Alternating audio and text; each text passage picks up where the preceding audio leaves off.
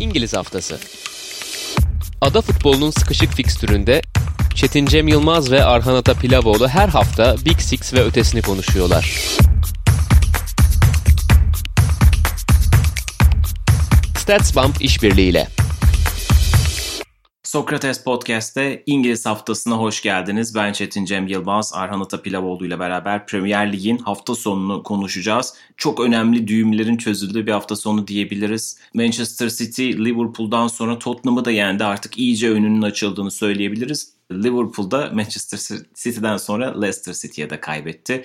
Manchester United'ın da puan kaybı yaptığını göz önünde bulundurursak ligde gerçekten zirve en azından ilk sıra kopmuş gitmiş görünüyor Manchester City'nin bu farkını konuşacağız. Bu farkı yaratan etkenleri İlkay Gündoğan'ın inanılmaz formunu konuşacağız. Diğer tarafta Leicester City'nin aldığı büyük galibiyeti de konuşacağız. Hem Leicester City açısından bakacağız hem de Liverpool'u çok uzun zamandır konuşuyoruz aslında. Devam eden o kanamayı biraz daha durdurulamayan kanamayı konuşacağız. Onun dışında yine gündeme dair hem verilerle hem de diğer hikayelerle Premier Lig'i konuşacağız. Arhan Manchester City'den konuşalım. Geçtiğimiz hafta da aslında bahsetmiştik. Kasım sonunda Tottenham'a kaybettiklerinde ki Tottenham ligde Manchester City'yi son yenen takım. Hani ligde yanılmıyorsam 7 ya da 8 puan gerisine düşmüşlerdi zirvenin. Kimse herhalde böyle bir tabloyu hayal edemezdi. İki takım tekrar karşılaştığında City böyle çok rahat kazanacak ve en yakın rakibinin 7 puan önüne fırlayacak bir de maçı eksikken bu maç özelinde de konuşabiliriz. City'nin son inanılmaz iki ayı üzerinden de konuşabiliriz. İlk ayı zaten ayrıca konuşacağız. Öncelikle topu sana atayım. Maç özelinden gelip biraz daha City'nin neleri güzel yaptı, neleri yapıp şu anki dominant noktasına geri döndüğünü konuşalım. Abi güzel bir noktaya değindin. Hani özelden genele gitmek sanırım City için daha doğru olacak ama Pep Guardiola'nın da buna benzer aslında bir açıklaması oldu. Sanırım basın toplantısında söylemişti. Geçen seneden farklı olarak aslında inanılmaz farklı şeyler yapmıyoruz. Geçen sene maçları kazanamıyorduk. Bu sene kazanıyoruz dedi. Bunu aslında Liverpool'un kötü gidişatına da ilerleyen dakikalarda konuşacağımız Liverpool'un kötü gidişatına da belli noktalarda bağlayabiliriz. Geçen hafta futbolun çok enteresan bir yönü olduğunu ve hani son dakikada girecek gollerin pek çok farklı şeyi tetikleyebileceğinden bahsetmiştik. Manchester City için de sanırım o Tottenham mağlubiyeti ve United deplasmanındaki beraberlik bazı şeylerin değişmesine neden oldu. O günden sonra çok daha akıcı, çok daha hem kontrollü hem de ne istediğini, ne yapmak neyi almak istediğini çok iyi becerebilen bir takım ortaya çıktı. Bu Tottenham maçında 2.36'lık bir gol beklentisi farkı ortaya çıktı. StatsBomb'dan aldığım veriyi paylaşıyorum. Bu Manchester City'nin Big Six maçlarında en çok gol beklentisi açtığı fark. Bu iki şey bence işaret ediyor. Bir Manchester City'nin artık gerçekten çok dominant, çok uzaklaşan rakiplerinden uzaklaşan bir oyuna doğru evrildiğini gösteriyor. İkincisi de Tottenham'ın gerçekten ana planının yavaş yavaş ki ben buna sene başından beri inanmak istemediğimi hem programda hem dergiye yazdığım yazıda söylemiştim. Hani tek ana planı rakibini beklemek olan bir takım değil Tottenham diyordum ama bu da sanki Tottenham'ın gerçekten ana planının rakibini beklemek üzerine kurulduğunu gösteren bir fark diye düşünüyorum. 2.36 çok yüksek bir fark. Özellikle Big Six karşılaşmasında pek görmeye alışık olduğumuz bir fark değil. İlk Tottenham maçından bahsettin abi yine sen de City'nin kaybettiği fikstürde. O zaman da örneğin Tottenham 0.58 düzeltiyorum 0.68 gol beklentisi yaratmış. Bu maçta 0.58 gol beklentisi yaratmış. Bu da aslında iki şeyi gösteriyor. City o zaman da çok kötü savunma yapmıyordu. Biraz daha açık alan veriyordu. Biraz daha kompakt hale geldiler. Diğer tarafta Tottenham için konuşursak da yine aslında gol beklentisi arasında çok majör farklar yok. O zamanlar golleri atıyorlardı. Şu an golleri atamıyorlar gibi bir noktaya da varabiliriz aslında Tottenham özelinde. Ama City'yi konuşacak olursak şu an eli kolu sallayarak ilerliyorlar. Ben geçen hafta çok rahat bir şekilde şampiyon olabileceklerini düşünmüyorum demiştim ama United'ın da West Bromwich'e puan kaybetmesiyle birlikte sanırım o rahat şampiyonluk yavaş yavaş geliyor gibi. Çünkü oyun olarak ya yani puan olarak değil belki puan bir şekilde azalabilir. Premier Lig çok enteresan bir lig. Ama oyun olarak gerçekten City'ye yaklaşan bir takım yok şu anda. Tottenham zaten tamamen koptu. Liverpool mental olarak kopuyor. Hatta koptu bile diyebiliriz. Manchester United Solskjaer'in zaten benzer açıklamaları vardı yarışta biz değiliz. Biz aslında yarışta yokuz diye. E, Chelsea zaten hoca değiştirdi. Pek yanaşabilecek gibi değil. Ya baktığınızda akla gelen bütün takımlar zaten City'den çok çok uzakta oyun olarak. E, puan olarak da öyleler. E, kadro kalitesi olarak da aslında baktığınızda öyleler. E, büyük çerçevede bakınca bu puan farkının eriyebilmesi sanırım pek mümkün gözükmüyor.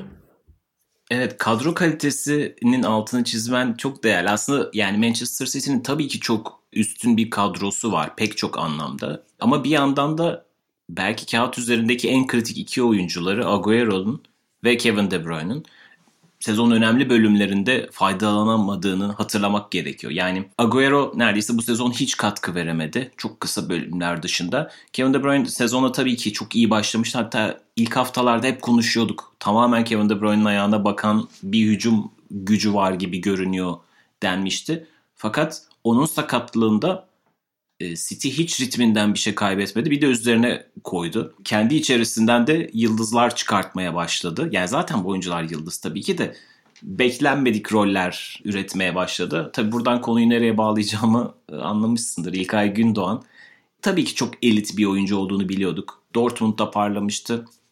Manchester City'nin yıllardır aslında rotasyonundaki önemli parçalardan bir tanesiydi. Fakat şu an çıktığı seviyeyi ve gösterdiği performansı en azından bu rolüyle herhalde kimse beklemiyordu desek yeridir. Yani onun nasıl bir joker olduğunu, takımın işte geçişlerinde ve aynı zamanda savunmasında ne kadar kritik role sahip olduğunu bu sezona kadar da biliyorduk. Ne kadar önemli bir rol oyuncusu olduğunu biliyorduk. Ama gelinen noktada 9 maçta 9 gol ve bütün bu serinin en parlayan oyuncusu olacak kadar sivrilmesi çok enteresan, çok özel bir performans sergiliyor. Bu noktada onun da altını çizmek gerekiyor mutlaka. İlkay tabii kariyeri boyunca çok kritik iki tane çok uzun sakatlık da yaşadı. Bir tanesi Dortmund'da bir tanesi Manchester City'de neredeyse birer yıl kaçırdı. Ve çok iyi hatırlıyorum. Yani Borussia Dortmund'un Galatasaray'la Şampiyonlar Ligi'nde aynı gruba düştüğü sezon. Klopp'un o sırada Dortmund hocası olduğu sezon. İlkay çok uzun zaman sonra ilk kez o maçta forma giymişti. İkinci yarıda sonradan oyuna girmişti. Hani böyle birazcık işte kilo almıştı, ritminden uzaktı falan çok eleştirildiğini hatırlıyorum. Daha sonra Manchester City'de yine bir yıl kaybetti. Fakat yani kariyerinin bu noktasında kendisini yani yeniden tanımlayan bir rolün içerisinde buldu. Çok çok etkileyici bir hikaye olduğunu düşünüyorum. Hep konuşuyoruz ya işte sahte dokuzlar yarattı bu sezon Manchester City hep. Phil Foden bazen o roldeydi. Kevin De Bruyne bazen o rolü yaptı. Sterling yaptı. Şimdi de İlkay Gündoğan bütün bu hikayenin en anlamlı paragrafı İlkay Gündoğan oldu gibi sanki. Onun kendisini yeniden yaratması Manchester City'nin de problemli bir bir sezonun arkasından kendisini yeniden tanımlamasının ufak bir hani böyle mikrokozmu oldu sanki. Abi kesinlikle katılıyorum sana.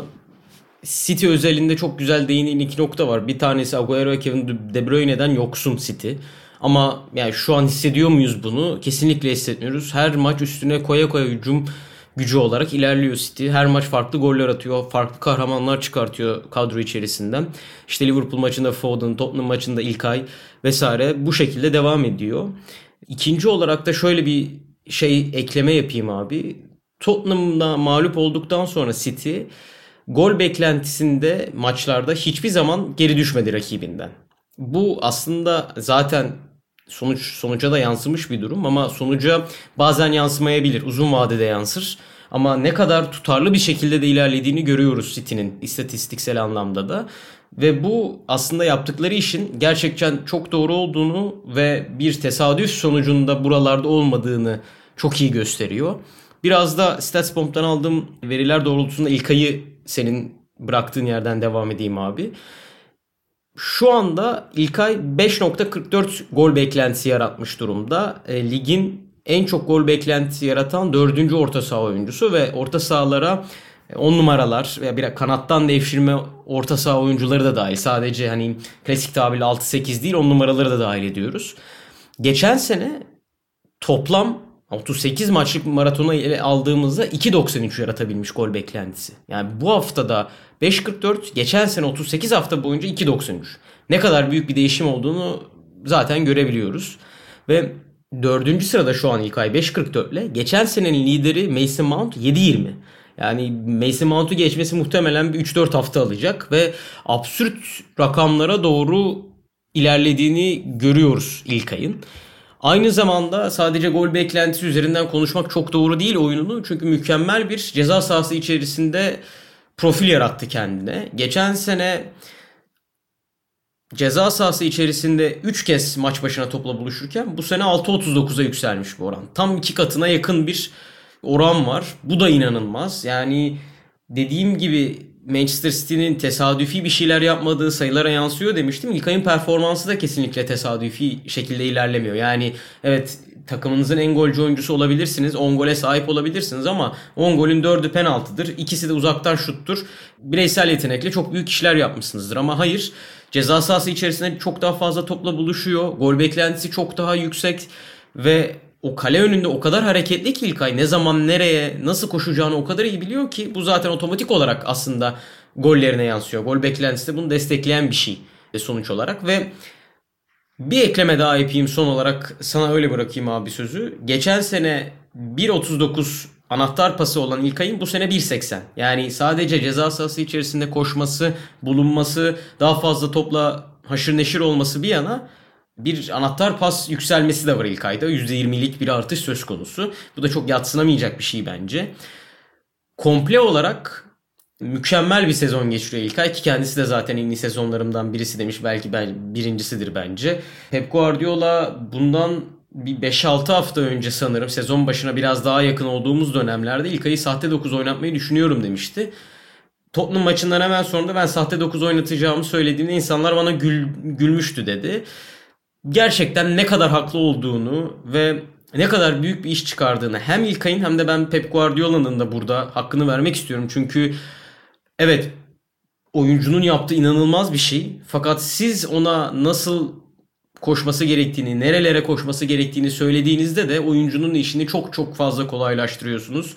İlkay mükemmel işler yapıyor ki 15-16 yaşlarında aslında bir forvet miş altyapıda. Bunu ben de yeni öğrendim. Forvet olarak başlamış kariyerin altyapılarda. Sonrasında orta saha ilerlemiş ki ne kadar bir öldürücü yeteneğe sahip olduğunu da görüyoruz.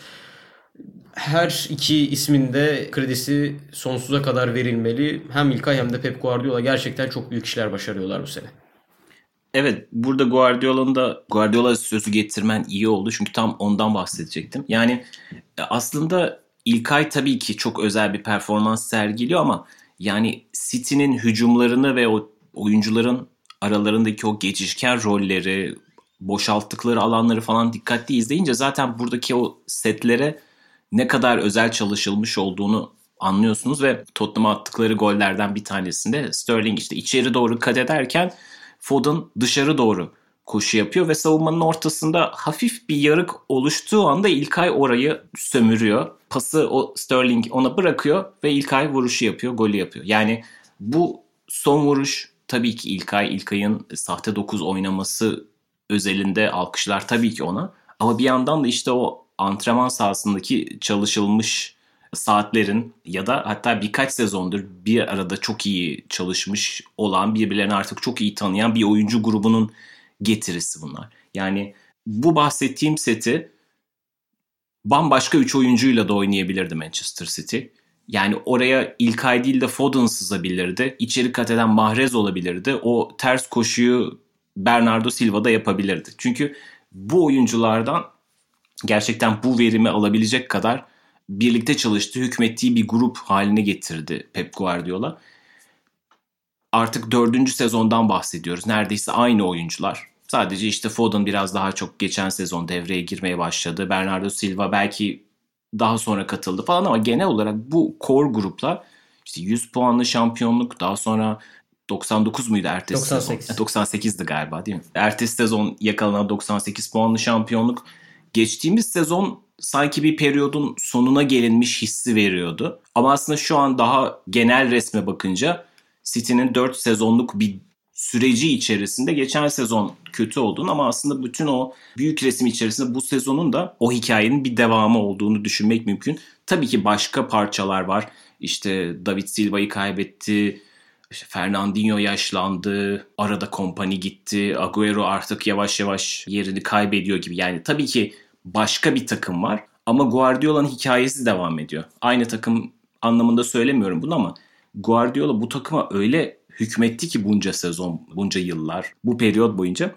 Bu da onun devamı gibi görünüyor şu an bahsettiğimiz. Geçtiğimiz hafta BBC Toralı Futbol Show'da galiba söylendi bu.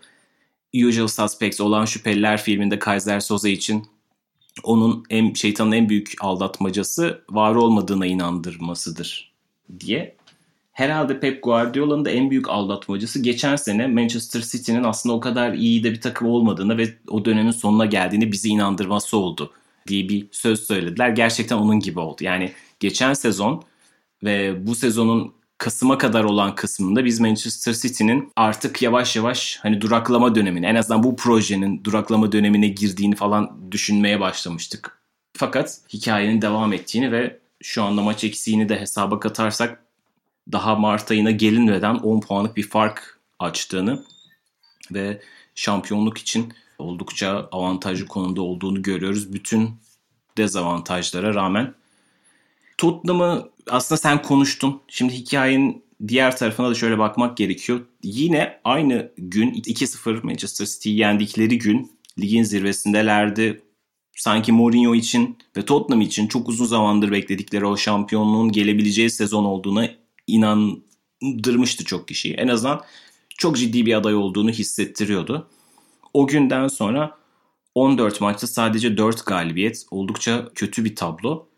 Burada da işte Harry Kane'in de sakatlığı da rol oynadı. Harry Kane biraz beklenenden çabuk döndü ama hala biraz paslı olduğu söylenebilir ama artık yarıştan ciddi olarak kopmuş olan bir Tottenham var. Aslında sen de Tottenham'dan bahsettin. Hikayede çok iyi gittikleri dönemde birazcık burada yanıltıcı sanki seriye uygun gitmeyen bazı şeyler var diye düşünüyorduk. Ama bu kadar büyük bir düşüşü de öngörmüyordum açıkçası. Yani yine Liverpool için konuştuğumuz gibi Tottenham da benzer şekilde tepe taklak düştü diyebiliriz. Çünkü Kasım ayında bu iki takım ligin en üst sıralarındalardı. Şu an biz programı kaydederken henüz Chelsea oynamamıştı ama Chelsea'nin kazanması halinde hep bu iki takım da kendi ilk dördün dışında bulacak. Dediğim gibi sen Tottenham'dan bahsetmiştin o yüzden ekstra bir şey eklemeyeceğim. Buradan istersen yine Liverpool'a bağlayalım. Leicester City Liverpool maçına bağlayalım. Liverpool tam hani sudan çıkarıyordu kafasını. Fakat yine 10 dakika içerisinde yediği 3 golle, daha doğrusu 7 dakika içerisinde yediği 3 golle kendini bir anda bir başka krizin içinde buldu. Manchester City karşısında da 10 dakika içerisinde 3 gol yemişti. Leicester City karşısında 7 dakika içerisinde 3 gol yedi. Yani gerçekten bir problem olduğu ortada. Sadece işte saha içerisindeki taktiksel şeylerle değil de birazcık daha mental olarak açıklayabileceğimiz de bazı problemler var gibi görünüyor Liverpool'da. Bu maçı konuşalım önce. Sonra Leicester City'nin de tabii ki hakkını vererek sadece Liverpool açısından bakarak değil. Bu maçı ve tablonun genel görünümünü konuşalım şu andan sonra o zaman. Abi çok güzel bir yere temas ettin. Liverpool'un 7 dakika içerisinde yediği 3 gol. Geçen sene hatta geçen sene değil de Jurgen Klopp dönemi boyunca Premier Lig'de 7 dakika içerisinde 3 gol hangi takım yemez diye bir soru sorsam herhalde ilk başa Liverpool'u yazabilirsin.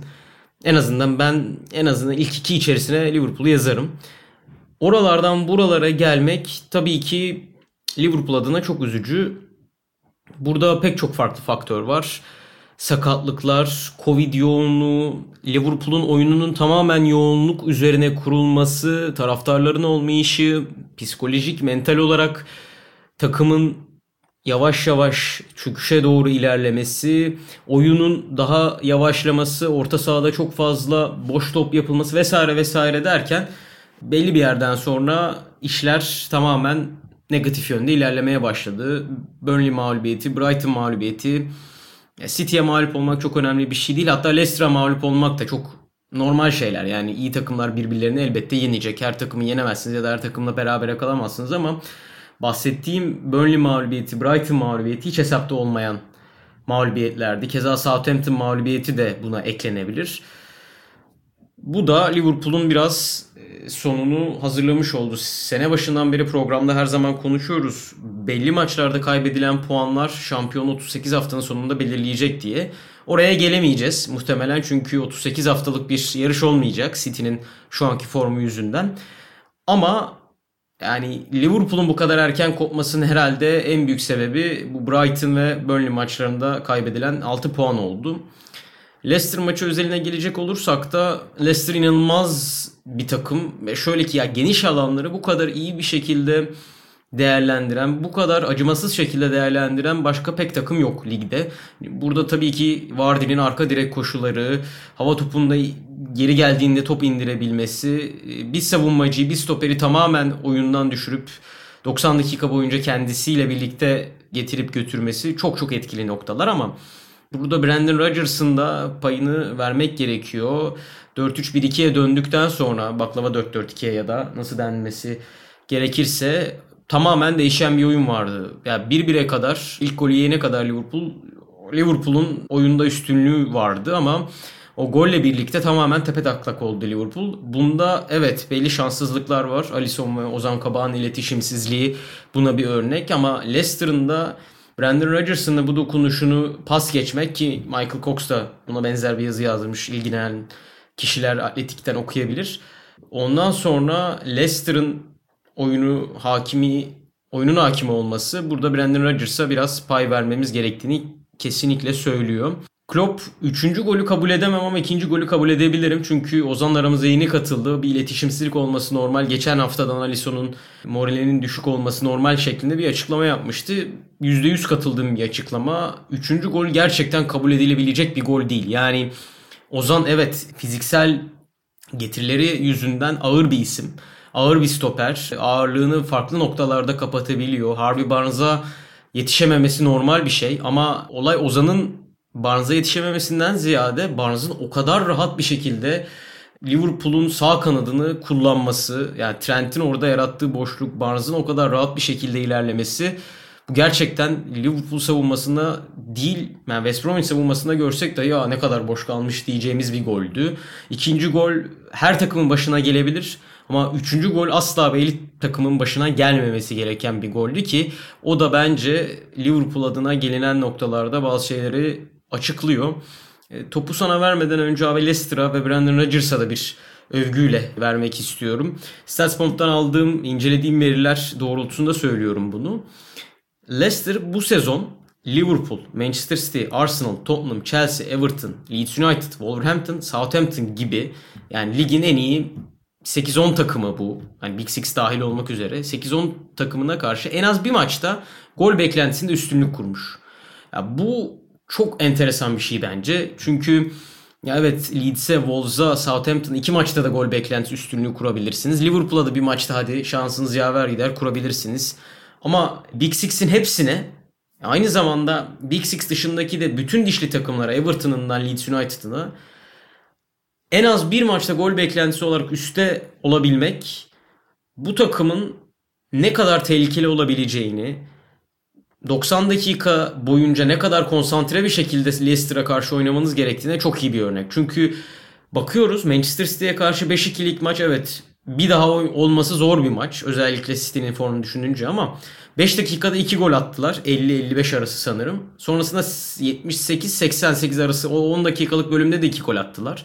Bakıyoruz Liverpool'a 7 dakikada 3 gol attılar. Yani o 90 dakika boyunca Leicester'ı ciddiye almazsanız, Leicester'a karşı konsantre olmazsanız hem geniş alanları nasıl Harvey Barnes'la Jamie Vardy ile mükemmel şekilde değerlendirebiliyorlarsa o sizin konsantrasyonunuzun bozulduğu 5-10 dakikalık bölümde de çok çok etkili olabiliyorlar. Göz açıp kapıncaya kadar nereden geldiğinizi şaşırabiliyorsunuz onlara karşı. Bu yüzden Brandon Rodgers'ın da geldiği günden bu yana yükselen inmesi takımın, kendisinin de formu, takımın da formu gerçekten takdire şayan. Evet bu taraftan alırsak Leicester City'nin yani evinde Liverpool'la oynarken maçın bitimine 15 dakika kala gerideyken hala işte maçı bırakmamız. Tabii ki maçı bırakmazsınız ama hani o maçı kazanacağınıza dair inancınız ve aynı mentaliteyle, aynı oyun planı değil. Bahsettiğim gibi hani ufak diziliş değişimi var ve işi değiştiren şeylerden bir tanesi bu ama tüm o plan kontrataklardaki yıkıcılık aynı şekilde aynı disiplinle uygulanıyor. Jamie Vardy zaten çok büyük bir tehlike her zaman. Şampiyonluk sezonunun 5 sezon sonrası artık hani yaşı da ilerlemiş durumda ama hala ligin en baş etmesi zor santrforlarından bir tanesi belki de birincisi. Diğer taraftan bahsettiğim gibi Harvey Barnes inanılmaz bir oyuncu oldu. Gerçekten dinamizmi ve her zaman sorun yaratmasıyla o da yani bir Jamie Vardy klonuna dönüşüyor. Saçları da benziyor bir de bir yandan da. Diğer taraftan Andy bu maçın kahramanlarından bir tanesiydi. Hani izlerken şeyi hissettim. Liverpool'un bu sezon Van Dijk sakatlığında yaşadığı en büyük eksikliklerden bir tanesi. Fabinho'yu orada kullanamaması. Bu tip yıkıcı bir orta saha oyuncusunun ne kadar fazla oyun bozabildiğini ve aynı zamanda direkt gollere de katkısı da var. Topu işte hem kesmesi hem de ceza sahasına yaptığı delici koşular, atak başlangıçları. Böyle bir oyuncunun formdayken ne kadar fark yaratabildiğini de hatırlattı. Hani o günümüzde ön libero mu diyelim, savaşçı orta saha mı diyelim. Rolleri birazcık daha geçişkenleşti tabii ki. Her oyuncunun iki tarafta da çok etkili olması beklendiği için. Ama işte o pür savaşçı, pür kesici bir oyuncunun işte İngilizlerin daha destructive dediği yıkıcı tip bir oyuncunun ne kadar büyük etki yaratabildiğini de gösterdi. Leicester City şu anda Chelsea ile beraber herhalde ligin üst seviye takımları arasında hani böyle oku yukarı doğru olan, çıkışta olan takımlarından bir tanesi sadece. Manchester City yani bir kenara koyuyoruz. Diğer 6 takımı alırsak yani puan farkı açılmış durumda belki ama yine de şampiyonluk hayalleri kuruyorlar mıdır? Kuruyor olabilirler. Yetişmeleri belki zor ama e, şu anda oynadıkları oyun en azından onlara iyi bir Şampiyonlar Ligi sırası için ümit veriyor olsa gerek. Geçen sene açıkçası ben bir kurşunları vardı onu kötü harcadılar diye düşünüyordum. Geçen sezon işte Big Six takımlarından birkaç tanesi kötüydü. Dolayısıyla ilk dörtte kalabilmek için en iyi şanslarının bu olduğunu düşünüyordum ve hani bir daha da gelmez böyle bir fırsat diyordum ama bir daha geldi ve o fırsat yani kendileri yaratıyorlar bu fırsatı. Çünkü bahsettiğim gibi hem oyun olarak hem de skor olarak direkt rakiplerine karşı hiç ezilmiyorlar. İşte bahsettiğim gibi Manchester City'yi de yendiler, Liverpool'u da yendiler, Manchester United'dan puan da aldılar. Bunların hepsi son yani bu bu sezon gerçekleşen şeyler. Hatta işte Manchester United ve Liverpool maçları çok yakın zamanda oynandı. Dolayısıyla Leicester City için sadece övgüler olabilir şu anda. Liverpool'a gelince yani bu sezonun gerçekten yayına girmeden de konuşuyorduk. En güzel gollerinden bir tanesini attı Liverpool. Bir kısa bir an için işler yoluna girecek gibiydi. İşte Firmino'nun her zaman çok övdüğümüz o büyücülüğü diyelim. Çok özel bir asist yaptı. Salah da çok güzel bitirdi. Liverpool için işler çok iyi gidiyor gibiydi. Ve bir yerden sonra çorap söküğü gibi geldi. Son 15 dakika gerçekten travmatikti Liverpool adına. İşte Oxlade Chamberlain'in oyuna girmesi yani onun hatası olarak söylemiyorum ama hani o dakikadan sonra arka arkaya gelen goller falan filan bir anda her şey dağıldı ve Liverpool adına kabus gibi bir 15 dakikaydı. Maçın yani çok fazla açıkçası o dakikalarda kırılma anı var. Yani bir bir yapan gol bir kenara hemen sonrasında Liverpool hala oyunda kalabilirdi ama işte tembel paslar, iletişimsizlik, bir dolu hata. O gün genelde biraz Türk sosyal medyasında ihale biraz daha Alisson'a kaldı açıkçası. Ben hikayeyi biraz daha hani %60 Ozan'da %40 Alisson'da olduğunu düşünüyorum açıkçası. Yani ama bu suçlama olarak değil Ozan'ın yeni olmasıyla alakalı. Yani böyle bir pozisyonda bu ikisi daha önce hiç bulunmadılar. Normalde muhtemelen Alisson daha iyi komünikasyon kurarak çıkabilirdi. Bunu tam olarak duymuyoruz ama sanki bir ses duyulmuyor orada. Hani ben de dedi mi onu bilmiyoruz. Muhtemelen Alisson'un oraya kadar çıkma sebebi de Ozan'ın yeni bir oyuncu olması ve ona tam olarak güvenmemesi. Hani tehlikeyi seziyor. Çıkış zamanlamasında da aslında yanlış bir şey yok. Ama işte birbirlerine girmeleri tamamen bir iletişim sorunu. Bu zaman içerisinde çözülebilecek bir hikaye. Ama mesele Liverpool'un topu o dakikada o kadar kaptırıp arkasının o kadar boş kalması ve ileride oyunu hala o dakikada bu kadar riskli bir takıma karşı oynarken işte kontratak konusunda çok tehlikeli bir takıma karşı oynarken hala o yeterince kontrollü paslarla yönetememekti. Benim biraz aklıma şey geldi. İki haftadır Alisson'un yaptığı hatalar Beşiktaş-Lyon maçında Fabri'nin yaptığı bir hata vardı meşhur. Beşiktaş'ın çok iyi bir sezonuydu ve Avrupa Ligi'nde hani final ihtimali konuşuluyordu. Gerçekten iyi bir kadroydu ve iyi bir ritim yakalamıştı. O Lyon maçında da son dakikalarda bir Fabri'nin hatasıyla Beşiktaş Lyon deplasmanından yenik dönmüştüm. Tabii ki herkes Fabri'ye kızıyordu. Maç sonunda Atiba ile röportajda Atiba şöyle demişti. Evet Fabri bir hata yaptı ama orada ben de tembel bir pas verdim. Daha iyi bir tercih yapabilirdim dedi. Yani bu çok kafa açan bir şey. Yani geçtiğimiz hafta Liverpool Manchester City maçında da ihale çoğu zaman Alisson'a kaldı. Ama eğer pres geldiğinde kalecinize dönüyorsanız bu risk her zaman vardır. Yani bu tercihlerle siz topu tehlike bölgesinde dolaştırmayı seçiyorsanız bu riskle de karşı karşıyasınızdır. Ve bazen işte o tembel paslarda sizi bu tehlikeyle karşı karşıya bırakır.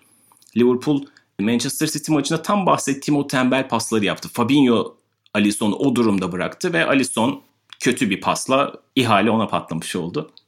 Leicester City maçında da benzer şekilde orta sahada kaptırmaması gereken topları kaptırıp çok kırılgan bir halde yakalandı Liverpool. Yani demeye çalıştığım sadece bir oyuncunun değil genel olarak mental olarak takım ritmi olarak kopmanın göstergeleri gibi geliyor bana bütün bu hatalar. Tabii ki son yapan oyuncu işte Alisson olur, Ozan olur. Odur ama genel olarak takım motivasyonuyla, takım ritmiyle alakalı geliyor bana bütün bu hikayeler.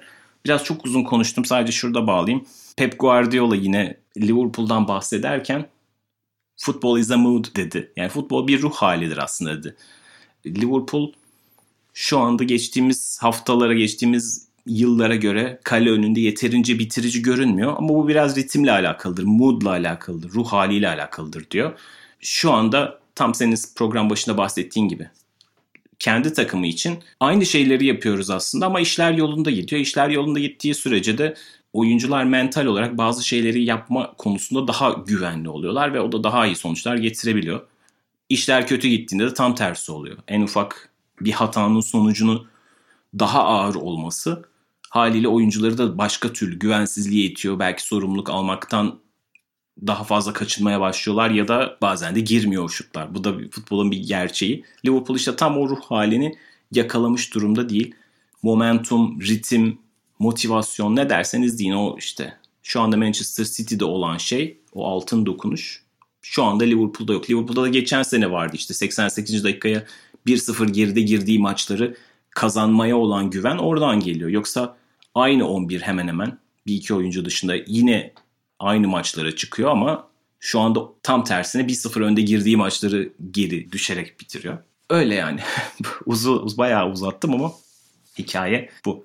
Abi bir çok güzel yerlere değindim bence. Orada çok kısa bir şey ekleyeyim ben de. Dediğin gibi Pep Guardiola'nın futbol bir ruh hali. Aslında hani ya da ketçap örneği de verebiliriz golcüler için. Sıkarsınız sıkarsınız bir türlü gelmez. E, geldikten sonra da ardı kesilmez şeklinde. Liverpool geçen seneye göre gol beklentisi olarak StatsBomb'dan aldığım veri 0-10'luk bir gerileme yaşıyor. Ama puan durumu olarak baktığınızda çok daha farklı noktalarda. Evet oyun olarak gol beklentisi üzerinden bir takımı değerlendirmek çok doğru değil. Oyun olarak daha az yoğun, daha az tehlikeli bir Liverpool var. Ama bu bütün sezonun başarısız bir şekilde geçtiği anlamına da gelmiyor bence. Bir yani geçen hafta verdiğim örnek vardı. Sonuçlar üzerinden bir takımı değerlendirirseniz çok farklı noktalara gidersiniz. Performanslar üzerinden, sayılar üzerinden, veriler üzerinden bir takımı değerlendirirseniz çok farklı noktalara gidersiniz. Gerçekten 180 derece farklı noktalarda bulabilirsiniz kendinizi. Geçen sene City ligin en çok gol atan takımı iken pek çok insan e, bana ne gol atıyor da şampiyon Liverpool diyordu. Ama bu sene o gol beklentisini aynı seneye taşıyan City e, lig lideri. Yani futbol gerçekten bu açıdan enteresan bir oyun ve Pep Guardiola'nın dediği gibi biraz o takımın ruh haline, oyuncuların ruh haline ve teknik direktörün ruh halinin yansıması olarak da e, sahada kendine yer bulabiliyor.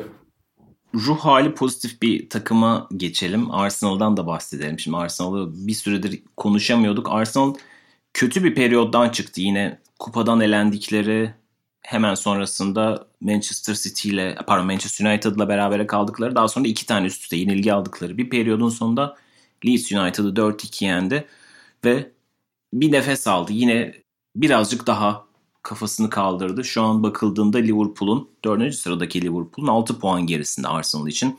İlk 4 hayalleri belki biraz uzak olabilir ama en azından oyundan keyif almaya başlamaları Aubameyang'ın sezon başından beri beklediğimiz patlamayı gerçekleştirmesi şüphesiz artıydı.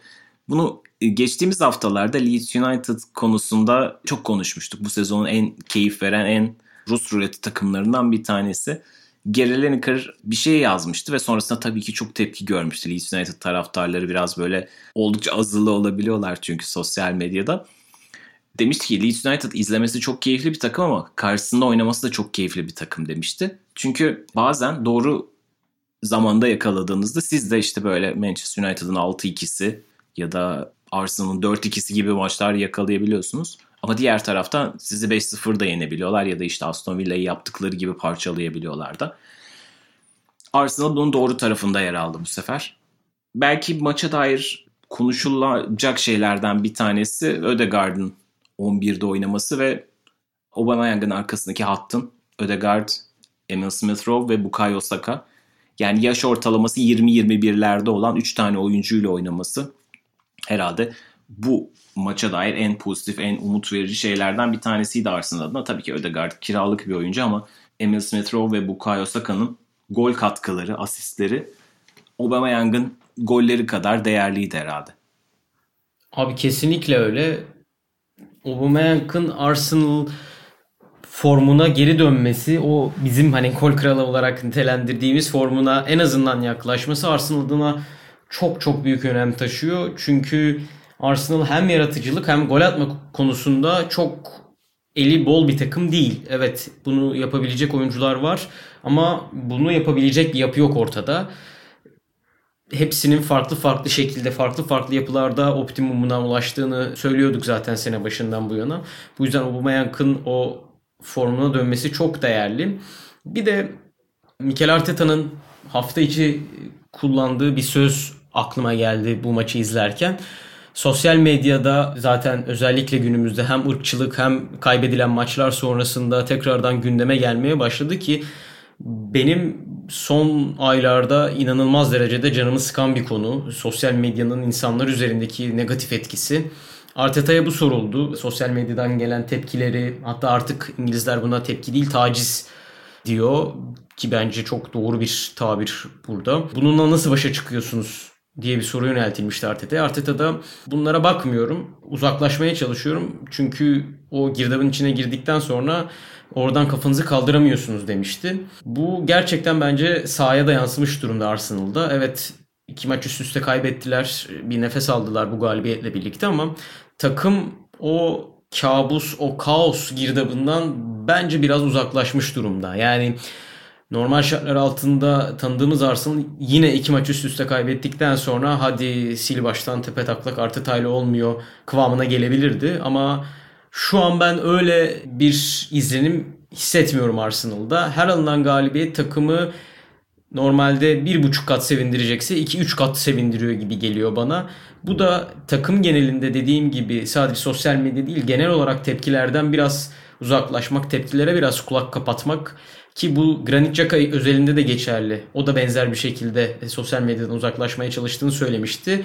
Ve e, şu an dönüp dolaşıldığında Granit Xhaka'ya taraftarların acaba çok mu yüklendik söylemlerini görüyoruz. Bu yüzden bu tepkilerden uzaklaşabilmek, biraz daha birkaç adım geriden oyuna yaklaşıp bildiğiniz doğruları sahaya yansıtabilmek çok zor bir şey özellikle son çağlarda. Bunu Frank Lampard'ın ayrılışından sonra pek çok farklı teknik direktör Guardiola'dan Dean Smith'e açıklamıştı. Ama Arteta'nın ve oyuncuların ve hatta taraftarların kulübün kümülatif bir şekilde e, bunu bence yapmaları gerekiyor. Birkaç adım geriden, birkaç adım uzaktan bakarak takımın doğruları yaptığı şeyleri yüceltip kötüleri abartmadan eleştirmeleri bence çok değerli. Çünkü bir oyuncusunun ya da bir teknik adamın bu kadar fazla üstüne gidilmesi zaten otomatik olarak o takımı kulübü işleyemez hale getiriyor bence. Evet çok güzel bir yere temas ettim. Sosyal medyada işte o günlük sonuçlardan çok büyük resme ulaşmak, çok büyük çıkarımlara ulaşmak çok büyük bir hastalık zaten. Bir de bunu çok agresif, yıkıcı bir dille yapan, bahsettiğim gibi tacizkar bir dille yapan pek çok taraftar da var. Yani bu tek bir kulübe ait değil açıkçası. Hemen her kulübün, hemen her kulübün değil, bütün futbol kitlelerinde, bütün futbol kulüplerinde böyle toksik bir grup var. İşler kötü gittiğinde en başarılı hoca, en başarılı oyuncu bile topa tutulabiliyor. Yani geçen sezon neredeyse kazanabileceği yani 2019 ve 2020'de kazanabileceği bütün kupaları kazanmış Liverpool bile bundan azade değil. Pek çok oyuncuya online tacizleri ben görebiliyorum mesela. Maç günleri bir oyuncu bir tweet attığında ona geliyor. Arsenal için de geçerli bu. İşte şu anda belki işler yolunda gittiği için Manchester City'de yaşanmıyordur ama dönüp o da yaşanabilir aynı şekilde. İşler sadece birkaç maça bakıyor bu tip durumlarda. Manchester United bunu çok yaşadı oyuncuları üzerinden ki zaten kulüp de bir açıklama yaptı. En son işte Tuanzebe Everton maçında yaptığı hatadan dolayı akla gelmemesi gereken şeylerle işte ırkçı tacizlerle yüz yüze kaldı. Yani gerçekten bu aralar bunu çok konuşuyoruz. Yani önünde sonunda sadece futbol bu. Bu kadar da büyütülecek bir şey değil bu. Ama evet maalesef günümüzün gerçeklerinden bir tanesi. Arsenal konusunu şöyle ufakça bağlayalım. Arsenal da kritik bir periyoda giriyor. Önümüzdeki günlerde Benfica eşleşmesi var. Zorlu bir eşleşme var Avrupa Ligi'nde. Onun da sonrasında daha doğrusu arasında Manchester City ile oynuyorlar. İkinci maçın sonrasında Leicester City. Sonra bir hafta Burnley, ertesi hafta Tottenham'la oynayacaklar. Oldukça kritik, heyecanlı bir periyoda giriyor. Arsenal'ın geçen sezon büyük maçlardan iyi çıktığını, Arteta döneminde iyi çıktığını hatırlıyoruz. Dolayısıyla bu periyotta gösterecekleri performans da sezonun herhalde yavaş yavaş artık belirleyici hikayelerinden bir tanesi olacak. Doğal sayılar StatsBomb verileriyle bu hafta sanırım Manchester United'ı inceledin. Onlar da bu hafta West Brom karşısında beklemedikleri bir kayıp yaşadılar. Ne çıktı karşımıza doğal sayılarda? Evet abi StatsBomb verileriyle incelediğimde Manchester United'ı gol beklentisi üzerinden bir veri gözüme çarptı.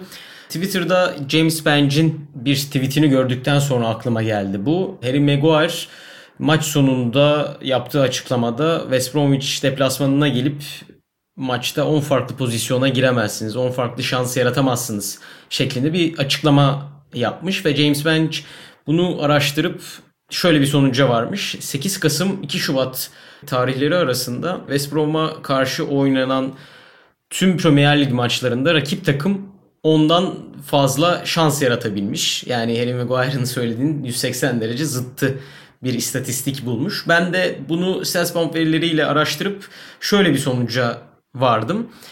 Ligde West Bromwich'e karşı oynayan takımlar şu ana kadar gol beklentilerinde her zaman üstte yer aldı. Yalnızca 3 takım West Bromwich'e karşı oynadığı maçlarda West Bromwich'ten daha az gol beklentisi üretti.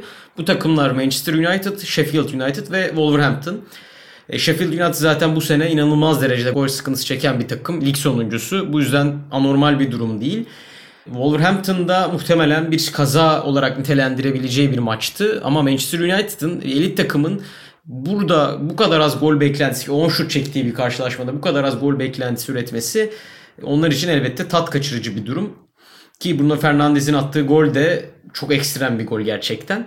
Bu verileri de bir şekilde ortada harmanlayınca benim aklıma Ole Gunnar Solskjaer'in sene ortasında söylediği şu söz aklıma geldi. Aslında bizi şu an evet lideriz ama biz şampiyonluk adayı olarak dahi gösterilmemesi gereken bir takımız demişti. Bizim şampiyonluk adayı olarak gösterilmemize daha var demişti. Ki o da zaman da aslında onu biraz haklı çıkardı. Yapıda bazı sorunların olduğu gözüküyordu. Her şeyi iyi yapabilen, daha doğrusu her şeyi standart üstü yapabilen bir takım. Ama işte Premier Lig gibi inanılmaz zorlu bir ligde şampiyon olabilmek için bir şeyi çok iyi yapmanız gerekiyor. Artık ben bu fikre tamamen inanmış durumdayım. Çünkü Frank Lampard'ın Chelsea'si hani her şeyi çok iyi yapıyordu diyemem onlar için ama onların da karakteristik olarak bir şeyi tam olarak mükemmel şekilde yapmadığı bir gerçekti.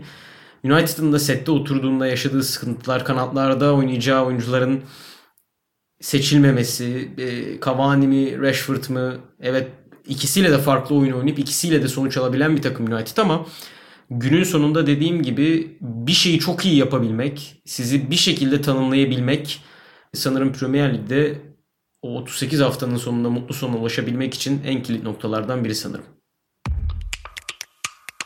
Günlerin köpüğü Günlerin köpüğünde biraz Premier Lig'in son sıralarından kurtulmaya çalışan Fulham'dan bir oyuncunun hikayesinden bahsetmek istedim. Josh Maja. Aslında genel olarak Fulham'dan birazcık övgüyle bahsetmek gerekiyor diye düşünüyorum. Çünkü Fulham'ı bu sezon özellikle büyük takımlara karşı oynadıkları maçlarda izlediğimde hani hiç oyunlarından taviz vermeyen, son derece direkt oynayabilen, en azından presleriyle maçların tamamında olmasa da belli bölümlerine hükmedebilen bir takım olarak göze çarpıyor. Fakat bunu Tottenham beraberliği, Chelsea'ye karşı 1-0 son dakikalarda maçın son bölümlerinde yedikleri bir golle kaybettikleri maç, Liverpool karşısında 1-0 tutamadıkları ve 1-1 ayrıldıkları maç gibi örnekler de varsa da o belli dönemlerdeki üstünlüklerini skora yansıtamadıkları ve tam olarak istediklerini de alamadıkları maçlar olarak hatırlıyorum. Everton karşısında bunu değiştirdiler. Değiştirmelerinin en büyük sebebi de iki gol atan Josh Maja'ydı. Biraz ondan yola çıkarak onun hikayesini ve çok kısa olarak onunla bağlantılı bir detayı vermek istiyorum. Josh Maja aslında çok sık rastlanmayan bir metodu yaptı. Sunderland'da oynarken Sunderland'den Bordeaux'a transfer olmuştu. İngiltere'nin hani o sırada Championship'te de değil League One'da oynayan bir takımdan 3. kümeden Bordeaux'a transfer oldu. Ortalama bir periyot geçirdi diyebiliriz. Hani çok belki parlak değildi fakat en azından kumaşını gösteren 45 maçta 9 gollük bir performans sergilemişti ve tekrar geri döndü. Döner dönmez de ikinci maçında 2 golü buldu. Şimdi onun üzerinden İngiliz futbolcuların genelde yurt dışına çok fazla gitmediğini en azından 2000'lerin hatta 90'ların 2000'lerin ve 2010'ların hikayesi buydu. Yavaş yavaş bunun değişmeye başladığını görüyoruz. Biraz bunun üzerine değinmek istedim. Çünkü İngiltere uluslararası turnuvalara 2010'dan beri ada dışından oyuncu getiremiyor. Çünkü belli bir seviyenin üzerinde işte neredeyse David Beckham'dan beri o seviyede bir oyuncu yurt dışında oynamıyor.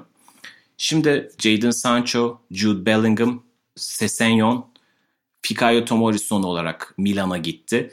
Pek çok sayıda iyi oyuncu belki takımlarında şans bulamayıp belki de o elit top 6'te kendine tam olarak yer bulamayıp yavaş yavaş şansını en azından pişmek için o çok kritik öğrenebileceği yılları Almanya'da, İtalya'da geçirmeye başladı.